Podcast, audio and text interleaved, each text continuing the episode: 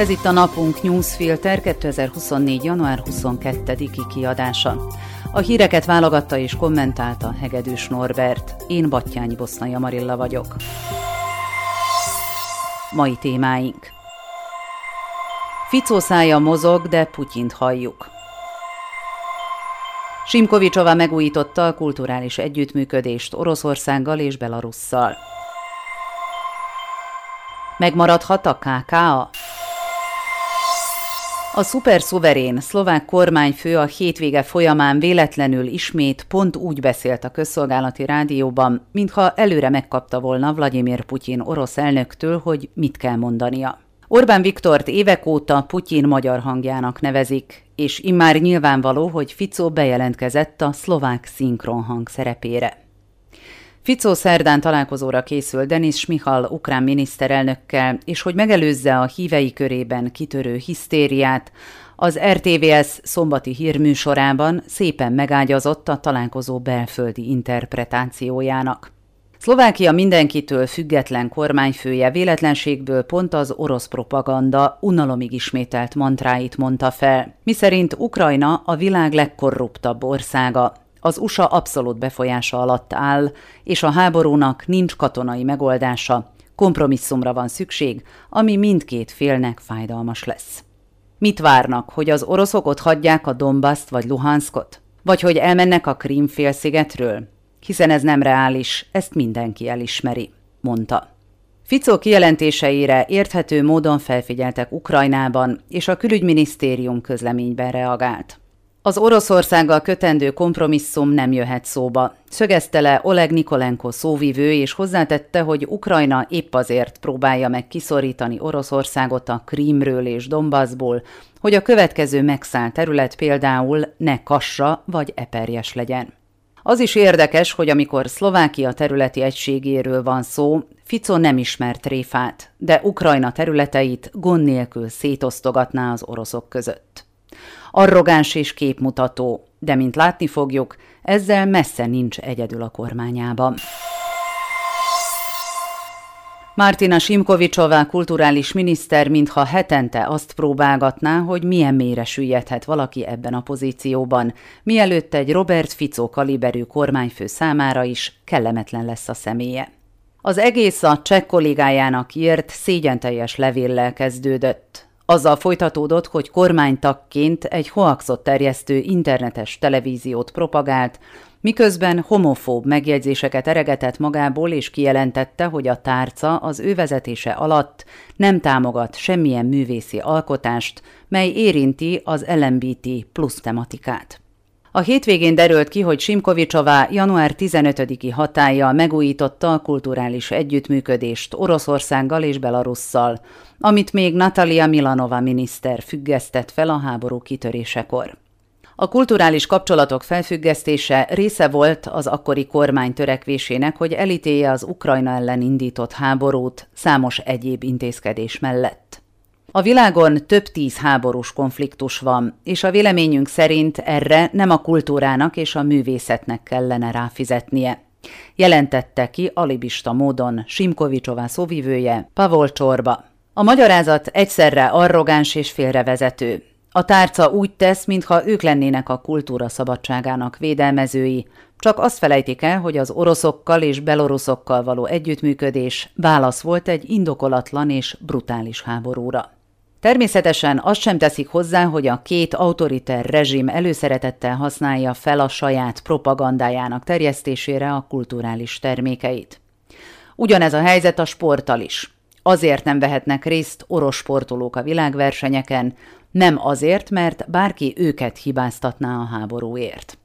Ugyanez az arrogancia érhető tetten abban is, hogy a tárca feljelentést tett a Simkovicsova ellen indított petíció ügyében. Az SNS jelöltje nem képes elviselni, hogy néhány nap alatt több mint 153 ezer ember írta alá a távozását sürgető petíciót, inkább visszatámad és légből kapott vádaskodásba kezd. Persze Simkovicsova világába a valóság ilyen árnyalt megközelítése nem fér bele, és a lelkeméjén ő valószínűleg amúgy is az orosz modellt érzi közelebb magához ahol a kultúra csak afféle kiegészítő a hivatalos állami szólamok mellett, ami nem zavar, nem provokál, és főleg nem gondolkodtat. A Magyar Kultúra napjára érkezett egy jó hír is. Ahogy arról már korábban írtunk, a Ficó kormány jogalkotási terveiből az derült ki, hogy a kabinett a kisebbségi kulturális alap megszüntetésére készül, mivel egy új intézmény a kultúra támogatási alap létrehozását tervezi, ami a KKA és a művészeti alap összevonásával keletkezne. Az alapot annak idején a kultúra depolitizálása és a kisebbségek kulturális önrendelkezésének erősítése miatt hozták létre, és évente több mint 4 millió eurót osztott szét a magyar szervezetek között. A szövetség a mai napon kiadott egy rövid közleményt, amiben arról tudósítanak, hogy a párt képviselői, köztük a KKA megszüntetés ellen indított petíciót kezdeményező Orosz Őrs, Mózes Szabolcs és Őri Péter a Kulturális Minisztérium államtitkárával, Tibor Bernatyákkal tárgyaltak. A Magyar Szövetség politikusai ígéretet kaptak, hogy a kisebbségi kulturális alap megmaradhat és javulhat a működése is, illetve a kulturális államtitkár elismerte, hogy nincs kőbevésve az alap megszüntetésére vonatkozó törekvés. A közlemény arról is tudósít, hogy a következő hetekben a Magyar Szövetség javaslatára elindulhat egy széleskörű egyeztetés az alaphatékony működését illetően, hiszen jócskán van mit megreformálni rajta. Ha a szövetség el tudná érni, hogy a KKA megmaradjon, az tényleg elég komoly fegyvertény lenne, bár a közleményből kiderül, hogy még csak egy hosszabb folyamat elején járunk ezen a téren. Amikor a Ficó kormány széleskörű egyeztetésről kezd el beszélni, akkor érthető, ha felszalad a szemöldökünk, és még ha sor kerülne is valami effélére, nagyon kíváncsian várjuk majd, hogy ki mindenki véleményére lesznek kíváncsiak az illetékesek. És hogy minek köszönhető a pálfordulás? Talán forró Krisztián győzte meg Ficót, amikor kávézgattak? Vagy Orbán Viktor osztott ki néhány sallert és kokit Budapesten? Esetleg tényleg a petíció nyomásgyakorló ereje alatt hajlott meg a kormányzat? Vagy ez mind együtt? A Ficó kormány valószínűleg érzékeli, hogy a szövetség nagyon szeretne barátkozni, és hogy ezt a barátságot Budapestről is nagyon bátorítanák. A KKA megtartása elég apró ár ezen jó viszony fenntartásáért, és lényegében csak pozitív sajtót kapnának érte. Persze ez csak találgatás. Ami jár, az jár. Ha a szövetség megmenti a KK-at, azért jár a dicséret. A Ficó kormánynak ezért még ne legyünk hálásak. Ne feledjük, még ha megmarad is a KKA, ők nem tettek semmit, csak elálltak a barbár tervtől, hogy megszüntessék. Ha valaki ezt barátságos gesztusként próbálja értelmezni, akkor gondolkodjunk el a motivációit illetően. Hírek egy mondatban. Az ellenzék újabb tüntetéseket hirdetett meg január 25-ére csütörtökre 18 órától. Felszólították a kormánykoalíciót, hogy vonják vissza a BTK megváltoztatását célzó törvényeket. Petra Vlhovát nagyjából két hét múlva operálják, tudatta az edzője Mauro Pini. A szlovák síző szombaton sérült meg Jasznán, a szezon véget ért a számára.